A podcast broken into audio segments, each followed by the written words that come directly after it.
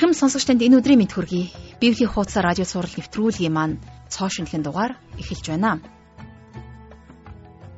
Тэгэхээр та Бурхны үгийг дэлгэрүүлэхийн тулд юу хийж байсан бэ? Зарим итгэгчид Бурхныг эсэргүүцдэг юм аа. Тэгээ миний үгэнд орж цуглаанд явахгүй гэж тунхаглаж бусад хүмүүст өөрийнхөө дүгнэлтийг халдварлуулж байдаг. Харин бид танд нэгэн гайхамшигтай урмын үг хэлэх үү? Бидний хинбэ гэдгийг мэддэг хүмүүс. Бидний үгийг тэр болгон тоодоггүй ч харин бурхны үгийг бол сонсоод байдаг гэдгийг мэдэж аваарай. Нэг компани захирал удирдах зөвлөлийнхөө хурал дээр би Есүс Христэд итгэдэг. А гэхдээ манай компани ядуусыг инэрх тал дээр юу ч төлөвлөхгүй байгаа бол би та нарыг халах болно гэж хэлсэн байдаг. Тэгээ тэрээр үргэлжлүүлээд би Библийг аврагдах гэж уншсан удаа баг боловч харин хүмүүс бие биедээ хэрхэн хандах мөн инэрх талаар бичсэн бүхнийг нь хүлээн зөвшөөрдөг юм шүү гэж хэлсэн байдаг. Тэгэхээр итгэдэггүй хүмүүс бидний амнаас Библийн үгийг сонсдгүй бол бидний дотор ямар үг байгаа вэ? Учир нь зүрхний бэлхалаар ам ярина гэж Библи бидэнд заадаг.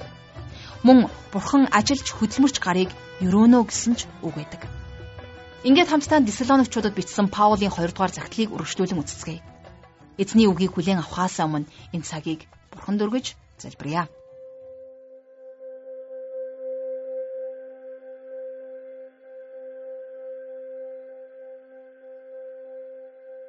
Бурхан эцэг минь, таньдаа энэ цагийн төлөө талархал өргөн залбирч байна.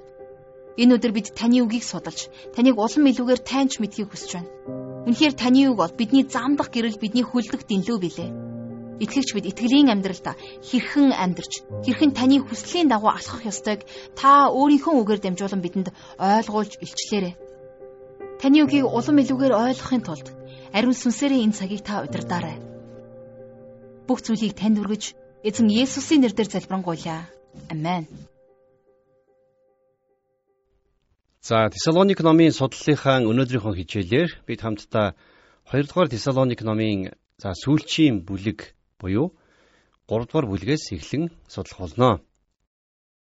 За өмнөх бүлгээрээ болвол бид нэр итгэгч хүмүүс Бурхны үгэнд бат суурлах ёстой гэдэг талаар Паулийн бичсэн захаанаас үздсэн. Бурхан та бидний зөрсдөлийг тайлгаруулж аливаа сайн үг болон сайн үйлд биднийг батжуулдгаа гэж Паул хэлсэн байсан.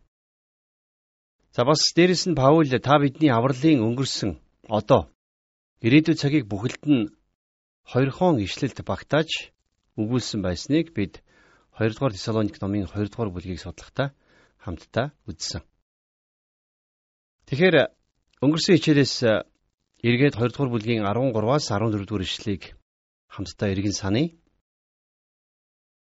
Эзнэр хайрлагдсан ах トゥ нараа. Та нарын төлөө бид үргэлж бурханд талархал өргөх ёстой. Учир нь бурхан та нарыг үнэн итгэл ба сүнсний ариусгалаар дамжуулан анхны үр жимс болгон авралын төлөө сонгосон ажээ. Үүний тулд тэр бидний сайн мэдээгээр та нарыг бидний эзэн Есүс Христийн алдрыг хүртэх гэж дуудсан гэж Паул хэлсэн байна. Тэгэхээр та бид нар бол бүгдээрээ бурхнаар сонгогдсон хүмүүс. Бид нар ариусгалын амьдралаар амьдарч байгаа хүмүүс. За тэгээд дараагаар нь бид хожим нь эзэн Есүс Христийн алдрыг хүртэх болно. Энэ бол үнэхээр гайхамшигтай ивэл ерөөл. За өнөөдрийн бидний үзэх 3 дугаар бүлэг дээр Паул итгэгч та бидэнд өгөгдсөн хит хитэн чухал үүрэг хариуцлага байдаг талаар дурдсан байна. Паул Эфесийн итгэгчдэд хандан бичгтээ Эфесийн 4-ийн 1-р ишлэлдэр иймд та нар дуудагдсан тэрхүү дуудлагада зүү зохистой явахыг эзний хоригдл би хичээнгүүлэн ятгая гэж хэлсэн байдаг тийм ээ. А тэгвэл Паул Тесалоникийн итгэгчид ч гэсэн бас энэнтэй адил зүйлийг бичсэн байна. Хамтдаа 2 дугаар Тесалоникийн 3 дугаар бүлгийн 1-ээс 2 дугаар ишлэгийг уншийе. Эцэст нь ах トゥ нараа. Эзний үг та нарын дунд ямар байсан шиг түргэн тарж алдаршуулгадах болтугай гэж бидний төлөө залбир. Тэрчлэн буруу, гажуу, хорон муу хүмүүсээс бидний гитлэгхийн төлөө залбир. Учир нь итгэл нь бүгдэд байхгүй. За эндээс харах юм бол хорон муу дэлхийн өмнө итгэлээрээ бат зогсох хүчийг Бурхны үг л бидэнд өгдөг юм а гэдгийг Паул тодорхой хэлсэн байна. Бурхны үг итгэгч хүний амьдралын замыг л бат бих болгож байдаг. За эцэст нь ах トゥ нараа гэж Паул хэлсэн. За өөрөөр хэлэх юм бол Паул энэ загтлаа өндөрлүүлэх гэж байна, тийм ээ. А тэгээд Паул загтлынхаа төгсгөлд бидний төлөө залбир гэж хэлсэн байна. Та бид нар бүгдээрээ мэднэ. Залбирал гэдэг бол үнэхээр гайхамшигтай зүйл. Итгэгч хүн болгон залбирлаар нэгдэх боломжтой байдаг. Залбирал бол зарим нэгэн итгэгчдэд өгөгддөг ариун сүнсний онцгой бэлэг авьяас бишээ. Харин залбирал бол итгэгч хүн болгонд өгөгдсөн итгэгч хүн болгоны хийх ёстой тэр зүйл юм. Итгэгч хүн амжилттай амьдрахын тулд залбирах ёстой. Бурхны үгийг амжилттай дамжуулж байгаа Бурхны үгийг дамжуулах ажилд Бурхнаар гайхамшигтайгаар хэрэглэгдэж байгаа хүн болгоны цаана тэдний төлөө залбирдаг хүмүүс байдаг. Тэгэхээр Паул энд эзний үгд хөргөн тархахын төлөө залбираарай гэж Тесалоникийн итгэгчдээс хүссэн байна. Паулийн тухайн үеийн үйлчлэл нь маш өвөрмөц байсан. За нэг талаасаа юу вэ гэхээр Паул сайн мэдээ тараагч илгээлтийн эзэн хүн байсан. За нөгөө талаасаа бол Паул өөрөө пастор хүн байсан. За бас дээрэс нь бурхны үгийг заадаг багш хүн байсан. Тэгээ ингээд харахаар зэрэг Паул ганцаараа энэ бүх үйлчлэлүүдийг нэгэн зэрэг хийдэг байсан байна. Тесалоникийн чуулганы хувьд ч гэсэн Паул энэ бүх үйлчлэлийг зэрэг хийж байсан. Тэрээр анх илгээлтийн эзний ёсоор тэнд очиж сайн мэдээ тарааж чуулган байгуулсан.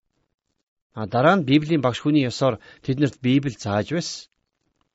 Харин одоо болвол тэрээр пастор хүний ёсоор тэднийг халамжилж тэднийг урамшуулж байгааг бид харж болж байна. Паул тэднийг бурхны үгээр зааварлаж сургаа зогсоогүй. Харин тэднийг тайвшруулж, тэдэнд зөвлөж, тэднийг урамшуулж байсан. Паул Тесалоникийн итгэгчдийг урамшуулан ятгах байсан нэг чухал зүйл болвол залбирал байсан. Мэдээж та өнөөдөр Паулийн үйлчлэлийн төлөө залбирах боломжгүй. А гэхдээ та сайн мэдээ тараадаг бусад хүмүүсийн төлөө залбирах боломжтой шүү дээ. За дээрэс нь та өөрийнхөө сүм чуулганы пастрийн төлөө залбираарай. Би нэг зүйлийг танд чухалчлан захимаар байна. Пастор байх амархан биш. Нөгөө талаасаа пастор хүний үйлчлэл бол маш хариуцлагатай үйлчлэл. Чуулган доторх болсон болоогүй янз бүрийн хүмүүстэй хамгийн их харилцдаг хүн бол пастор. Тэм учраас Паул тэрчлэн буруу гажуу хорон муу хүмүүсээс бидний гитлэхийн төлөө залбираарай гэж хэлсэн байна, тийм ээ. Чуулган дотор ч гэсэн бас буруу гажууд хорон муу хүмүүс байдаг. Харин тийм хүмүүсээс пастрыг маань гитлэхэж өгөөч ээ гэж бид нар залбирах ёстой. Пастор хүн бол яг л хүүхдийн эмчтэй адилхан. Харин сайн мэдээ тараагч хүн бол зөрлүүлж хэлэх юм бол их баригч эмчтэй адилхан. Хорвоод мэдлж байгаа шинэ хүнийг их баригч их барьж авдаг шиг сайн мэдээ тарагч хүмүүс цоошин итгэгчдийг үлгийдэн авдаг. За энэ бол их чухал ажил. Дараа нь сайн мэдээ тарагч маань тэдгээр шинхэн итгэгчтэй пастрын гарт шилжүүлэн өгнө. Өөрөөр хэлэх юм бол шинээр мэдлсэн хүүхдийг хүүхдийн эмчэд хүлээлгэн өгч байна гэсэн үг.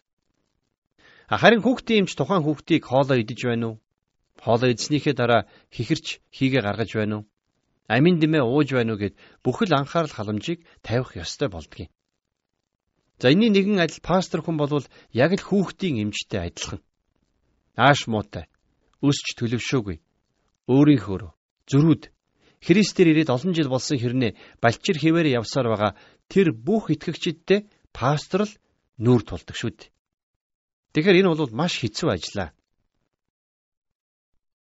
За Паул Тесалоникийн итгэгчдээс тэрчлэн буруу гажуу хорон муу хүмүүсээс биднийг гитлэхийн төлөө залбир гэж хүссэн. Ингээд бодоод байхаар үнэндээ сайн мэдээ тараах ажилд хамгийн их саад болдог зүйл бол чуулган доторх буруу гажууд хүмүүс байдаг. Жохом тийм хүмүүс л пастор ахлагч нар руугаа дайрч давшилдаг. Библи зааж, Бурхны үгийг дамжуулж байгаа хүмүүсийг муучлан ялгаж байдаг. Ийм хүмүүсээс болоод пастор маш хүнд байдалд юм. Ийм хүмүүсээс болоод пастор хүн Бурхны үгийг үр нөлөөтэйгээр ярьж чадахгүй байгаа бол энэ нь маш харамсалтай зүйл. За яагаад ингэж залбирах ёстой талаар Паул хэлэхдээ учир нь итгэл нь бүгдэд байхгүй гэж хэлсэн. За энэ бол жинхэнэ итгэлийн тухай ярьж байгаа. Өөрөөр хэлэх юм бол чуулганы гишүүн гэж явж байгаа ч гэсэн тэр дотор жинхэнэ итгэлээр бурханд итгээгүй хүмүүс ч гэсэн байдгаа гэсэн. За чуулганы суурь болвол элч нарын онол сургаал дээр тавигдсан байх ёстой. Бид нар элч нарын он сургаалын дагуух зүйлсийг л зааж сургах ёстой. Энэ л жинхэнэ итгэл дээр бид нар суурлагдах учиртай. Есүс Христ энэ дэлхий дээр дахин ирнэ гэж итгэх нэг хэрэг. А түүнийг дахин ирэхийг хүссэн хүлээх гэдэг бол өөр хэрэг тийм ээ. Гэтэл тэрхүү агуу итгэлийнхээ дагуу амьдрна гэдэг бол бүрч илүү өөр зүйл болохыг бид эндээс ойлгож болно. Бурхны үг биднэрт яг л энийг сануулж байна. Тесалоникийн итгэгчид ч гэсэн Паул энийг л хэлсэн. Хэрвээ та бид нар үнэхээр Есүс Христийг дахин ирэхийг хүсэн хүлээдэг хүмүүс муу юм бол бид энийг Бурхны үгэнд хандах хандлагаараа батлан харуулах ёстой. За бас энэ нийгэмдэх өөрсдийн зөвхт амьдралаараа энэхүү итгэл үнэмшлээ нотлон харуулах учиртай. За 3 дугаар ишлэгийг уншъя. Эзэн бол итгэмжит. Тэр та нарыг ёрийн муугаас хамгаалan хүчтэй болгоно. За сая Паул үнэхээр гайхамшигтай үгийг хэлсэн байна. Бид нар Бурхны өмнө олон удаа итгэмжгүй байдал гаргаж байдаг. Харин Бурхан хизээч бидний өмнө итгэмжгүй байдал гаргаж байгаагүй. Бийл гэхэд хувьдаа маш олон удаа Бурхны итгэлийг алдсан. Харин Бурхан хизээч миний итгэлийг алдаж байгаагүй. Бурхан үргэлж итгэмжтэй байдаг. Итгэгч хүмүүс бид нар энэ богинохон ишлэлээс тас зуурах ёстой. Бурхан бол итгэмжит. Тэр биднийг ёрын муугаас хамгаалж хүчийг өгдөг. Өнөөдөр суургүй гэр бүлүүд, суургүй итгэгчид, суургүй чуулганууд их олон байна. Харин итгэгчид бид нар бат бих сууртай байх ёстой. Бурхны үгийг судалж, Бурхны үгийн нөлөөгөөр бид нар амьдралаа өөрчлөх ёстой. Тэр цагт бид нар бүгдээрээ бат сууртай итгэгчид байж чадна. Бурхан үргэлж өөрийнхөө үгээр дамжуулан ажиллаж байдаг. Бурхны үг биднийг хорон муугаас хамгаалдаг. Нэг мундаг пастор Библи биднийг гим нүглээс хол байлгадаг. Харин гим биднийг Библиэс хол байлгадаг гэж хэлсэн байдаг. Энэ үнэхээр үнэн үг шүү. За үргэлжлүүлээ дөрөвдүгээр ишлэгийг уншъя. Тушаасан болгоныг маань та нар хийж байгаа болон хийгч болно гэж эзэн дотор бид та нарт итгэдэг. Тэгэхээр итгэгч та бидэнд өгөгдсөн тодорхой тушаал зааврууд гэж байдаг юм аа. Бид 1-р Тесалоник номыг үзэхдээ Илч Паул Тесалоникчуудад 22 янзын тушаал зааврыг өгсөн байсныг хамтдаа судалсныг та санаж байгаа тийм ээ. Паул 10 тушаал биш. Эннээс 2 дахин олон буюу 22 тушаалыг тэдэнд хэлсэн байсан. Есүс Иохны 14-р бүлгийн 15-р ишлэлдэр та нар намайг хайрладаг бол тушаалуудыг минь сахиа гэж хэлсэн баг. Тэм учраас хэрвээ бид эзэн Есүст хайртай юм бол бид нар эдгээр тушаалуудыг сахиж биелүүлэх ёстой. Паул Тесалоникчуудад хандаж эзэн дотор бид та нарт итгэдэг гэж хэлсэн байна, тийм ээ. Тэгэхээр Паулийн тушаасан бүхнийг тэд нар сахин биелүүлнэ гэдэгт Паул итгэж байсан байна. А гэхдээ Паул зүгээр нэг итгээгүй, эзэн дотор итгэж байсан. Өөрөөр хэлэх юм бол тэр бүхнийг биелүүлэн амьдрахад эзэн тэднэрт туслах болно гэдэгт Паул итгэж байсан гэсэн үг. Тесалоникийн чуулганы итгэгчид тухайн үедээ маш гайхамшигтай гэрчлэл, үлгэр дуурайллыг харуулan амьдарч байсан.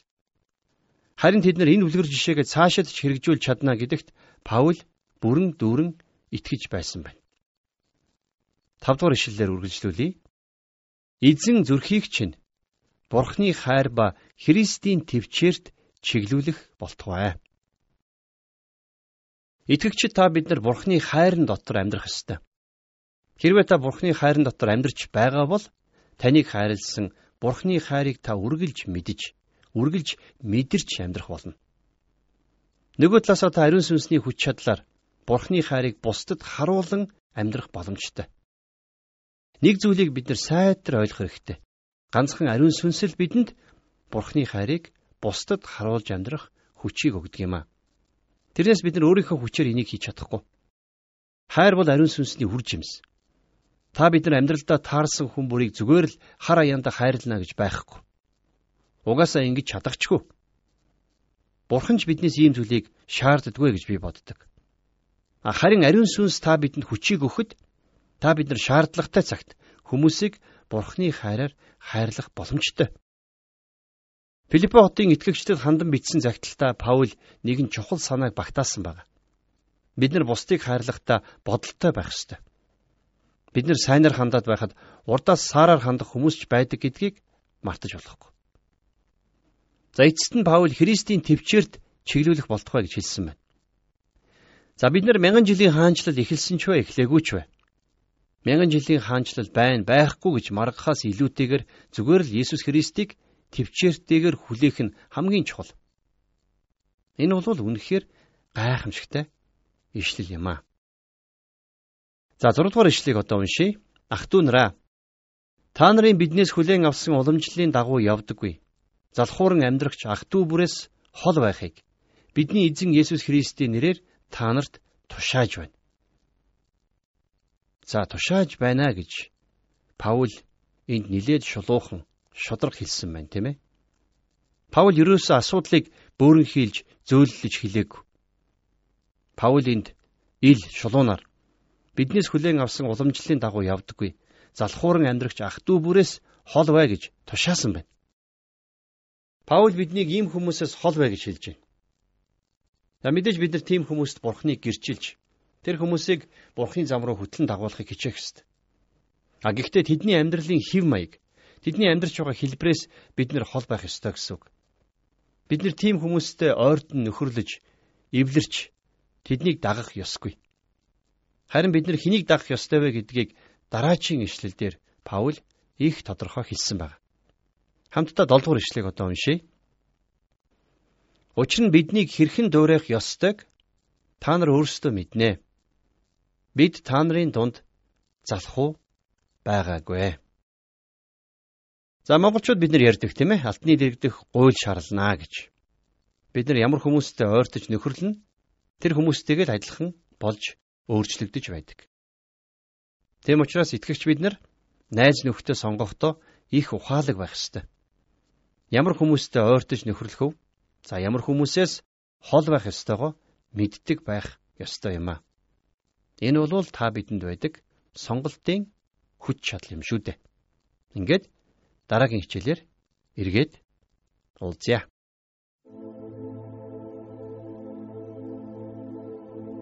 Тэгэхээр бид Бурхны үгээр өөрсдөө амьдраа зогсохгүй. Иргэн тойрондоо тэр үгээр амьдрдаг хүмүүсийг бий болгохын төлөө залбирч гуйдаг байх ёстой. Нэг Христэд итгэдэггүй эцэг их хоёр бяцхан охин нь өвчтэй уйлан байх үед яахаач мэдэхгүй бачимдан зогсож байж гэтэл нэгэн Христэд итгэдэг хүл муутай явж чаддгүй нэг эмгэн охин надад өгөөч би аргадыг гэж хэлж. Эмгэн охиныг аваад бурхан минь энэ дэлхий дээр энэ гайхамшигтай бэлэг болсон охиныг энэ хоёр залуу л авах хэрэгтэй байсан. Энэ охиныг энэ хоёр л өсгөж, энэ залуу харж хандаж, энэ эмэгтэй ээж нь үе чаднаа. Амар амгалангаа өгөөрэй. Бурхны бэлэг болсон охин минь аав ээж хоёртоо урам өгөөрэй гэж Есүсийн нэрийг дуудан хэсэг залбирсны дараа охин дуугүй болоо зогсохгүй эдгэрсэн болохыг мэдсэн байна. Бид Бурхны үгийг заадаг.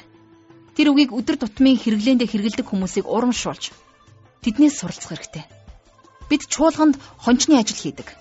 Библийг заахын тулд маш их бэлтгэж, зүрх сэтгэлээ зориулдаг тэдгээр хүмүүст урам өгч, тэдний төлөө залбирдаг байх ёстой. Бид хайр төвчээрийн дотор амьдрах ёстой. Бид хүмүүсийн дунд амьдрах ёстой боловч залхуу, хойрох, ёс бус хүмүүсээс цайгаа авах ёстой. Бидний эзэн Иесус маш хөдөлмөрч нэгэн байсан бөгөөд түүгээр зогсохгүй. Тэр өөрийн ихтэй илбэрэлтэй, ард түмэндээ хайртай, бурхан авдаа итгэмжтэй, очсон газар болгондоо ерөөлтэй нэгэн байсан юм. Библийн хуудас радио хичээлийн нэгэн цуврал дугаар ийхүү өндөрлөж байна. Хамтдаа сурсан болгоныхоо төлөө Бурханд талархаж залбирцгаая.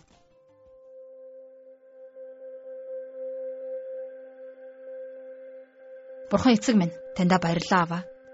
Та бидэнд өдөр бүр өөрийнхөө үгийг өгч, өөрийнхөө үгээр биднийг хөтлөн дагуулж, хооллож тэнхрүүлдэгт баярлалаа аваа. Үнэхээр бид өнөөдөр таны үгнээс сурсны дагуу та биднийг өөрчилж өгөөрэй. Та бидний зүрх сэтгэлийг таны хайр болон Христийн төвчээр лүү чиглүүлээрэй. Та бол итгэмжтэй бурхан гэдгийг үргэлж санаж, танд үйлчилж, таныг даган дуурайж амьдрахад бидэнд туслаарай. Тимээх эзэм таны үг улам илүүгээр түгэн дарахж, маш олон хүмүүс таны үгээр дамжуулан таныг таньж мэдээсэ гэж залбирэн гуйж байна. Бүх зүйлийн төлөө танд талархлыг өргөж, эзэн Есүсийн нэрээр залбирanгуйлаа. Амен.